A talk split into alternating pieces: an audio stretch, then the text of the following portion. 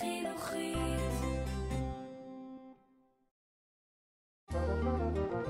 סוד עסיס וצבע המשוררת ריקי דסקל מגישה את המילים מאחורי השירים.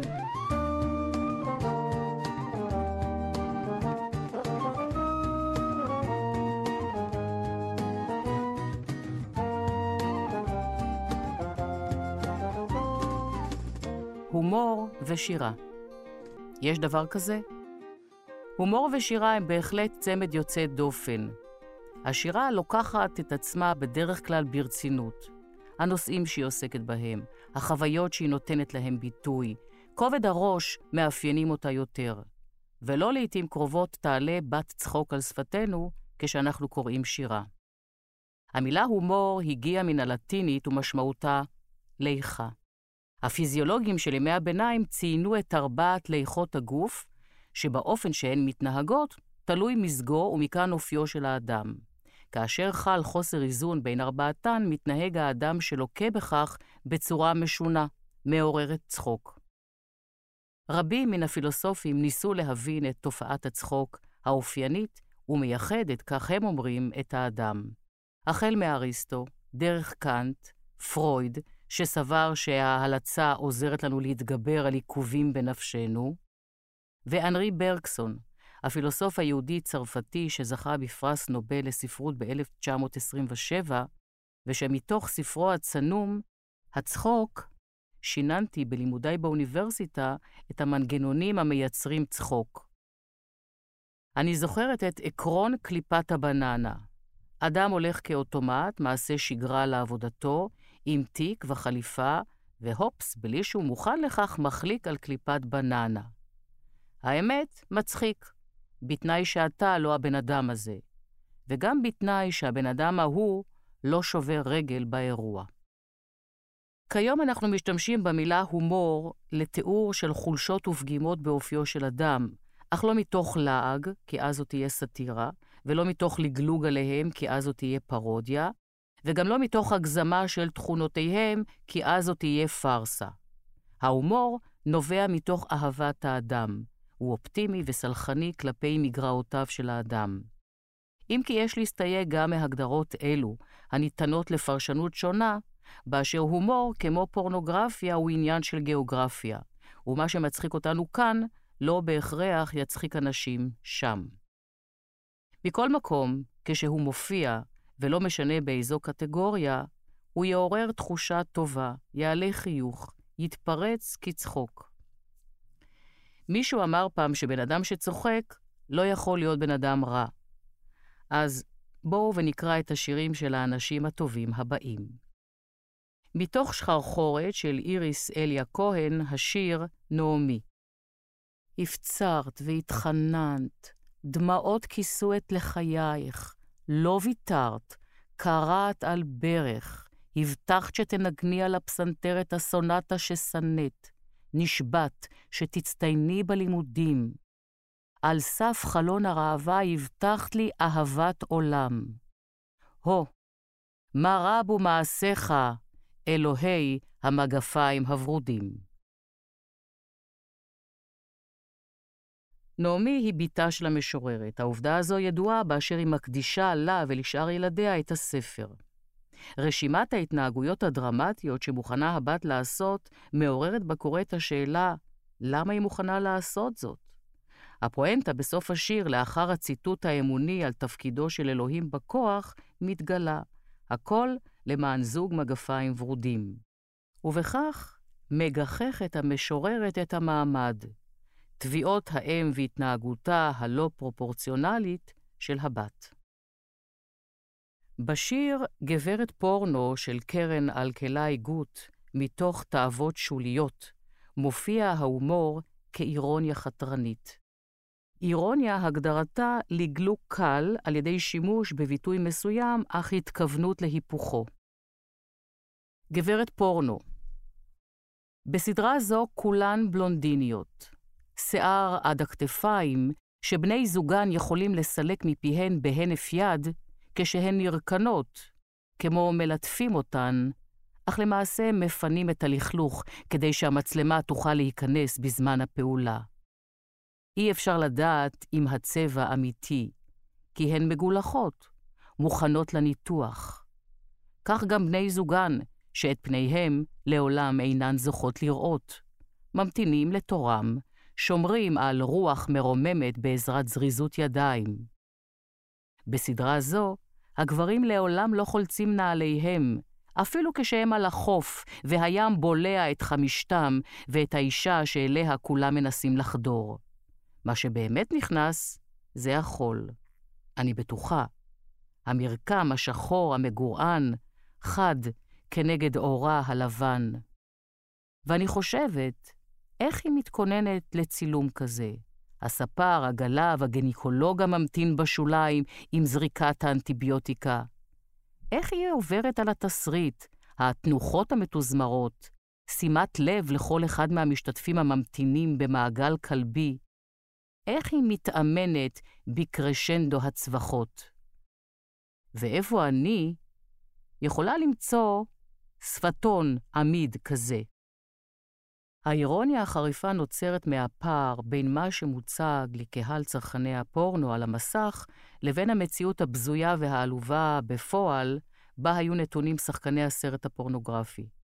הביקורת המלווה בכאב מתבטאת בסדרת השאלות ששואלת הדוברת, ובכך יוצרת הזדהות עם כוכבת הפורנו, שהופכת להיות אירוניה עצמית הנוצרת מהקלישאה על עצמה כאישה שדעתה קלה, וכל מה שמעניין אותה זה ליפסטיק. אציין את העובדה שקרן אלקלעי גוט היא פרופסור לספרות אנגלית. אינפורמציה חוץ-ספרותית זו מחזקת בעיניי את ההומור החתרני, אפילו הגרוטסקי, שיש בשיר, ומעניקה לו מימד אקדמי כלשהו. לגליה אבן חן הומור שחור במיוחד. מתוך ספרה נצח יחסי, השיר בצדק. את ההקפאה לא אני המצאתי, המציא אותה פרנסיס בייקון. בגיל 17 עבדתי בסנפרוסט, ואילו היא טיגנה אותך על אש גבוהה. הלכת ממני אליה, ובצדק. אני לא ממש מבינה את השיר, כי פרנסיס בייקון הוא שמם של שני אנגלים מפורסמים. אחד פילוסוף בן דורו של שייקספיר, השני צייר מפורסם בן המאה ה-20. אני הולכת על השני, הידוע בעיקר בשל ציורי החיות המבוטרות שלו. זה מתלבש לי טוב גם על הקפאה, גם על סנפרוסט וגם על בייקון, קותלי חזיר בשפתם. מה זה השם הזה? את שיר האהבה הנכזבת הזו היא תולה על אנקול כגבייה בגלריה של בייקון. תודו שזה מצחיק, ולו רק בגלל המילה בצדק. השיר הבא, מתוך שירים באשדודית של סמי שלום שטרית. שלום אל תיזכן. ערבי מעזה קורא ברמקול מתוך משאית פלסטינית אל אוזני הנשים המרוקניות בחצרות אשדוד, אינתיזכן, אינתיזכן, ביידיש פלסטינית, ומפרט ליתר ביטחון ארון, מיטה, שולחן, תנור, מקרר, לקנות, לקנות. בילדותי הייתה אמי שולחת אותי. בנייני, שוף אילה דז'לין תיזכן, יבי עליה הדי למיטה למעיובה. לך בני, תראה אם עברה אל תזכן, שייקח ממני את המיטה האיומה הזאת. ואני הייתי רץ אחריו, משיג אותו, מתנשף, שלום, אל תיזכן. החיוך שמעלה השיר על פנינו הוא בשל החיבור הקליידוסקופי בין הילד הקטן הרץ למלא את שליחות אמו בשפתה המרוקאית, בין העזתי הצועק במבטא ערבי אינתי זכן, אתה זכן, ולא כמו המקור ביידיש אל תזכן, דהיינו דברים ישנים. לבין בעיית השלום במזרח התיכון. השיר הזה הוא הומור בהגדרתו הקלאסית, שכן הוא מאבחן מתוך פייסנות, אופטימיות ואהבת האדם את הבלגן הישראלי, המצב הישראלי. הנושא קרוב לסמי שלום שטרית, שפרסם ב-1999 את קובץ המאמרים "המהפכה האשכנזית מתה", בבחינת אל תזכן. הבשורה הטובה שהייתה חיה מתישהו. ואת עבודת הדוקטורט שלו כתב על המאבק המזרחי בישראל. אסיים מתוך ספרו של רמי סערי, השוגון החמישי. רמי סערי, אזרח העולם ולשונותיו, הוא פנומן בלשני שתרגם לעברית עשרות ספרים משפות רבות שזה לא ייאמן, אלבנית, פינית, אסטונית, פורטוגלית, ספרדית. תגידו שפה, הוא תרגם. מעולה. חלקו הראשון של הספר נקרא התשבץ של פסטיבל המשוררים, והוא סדרה של שירים שכותרת רבים מהם משורר או משוררת עם האות הראשונה של שמם. אני מעריכה שיודעי דבר יודעים לזהות את הדמויות העומדות מאחורי האותיות. מתוכם, מתוך השירים, ניתן להבין שסערי השתתף באחד מפסטיבלי השירה הנערכים מדי שנה, כבר שנים רבות, בסביבות חג השבועות, בעיירה הצפונית מטולה. בלמעלה משלושים שירים הופך סערי לחוכא ואטלולה. תוך שימוש באירוניה נשכנית, בשיבושי לשון, במילים גסות, הוא יורד על עסקני השירה ואורחיה, על הקהל המשתתף, על הפוליטיקאים הנדחפים, על המשוררים ועל עצמו.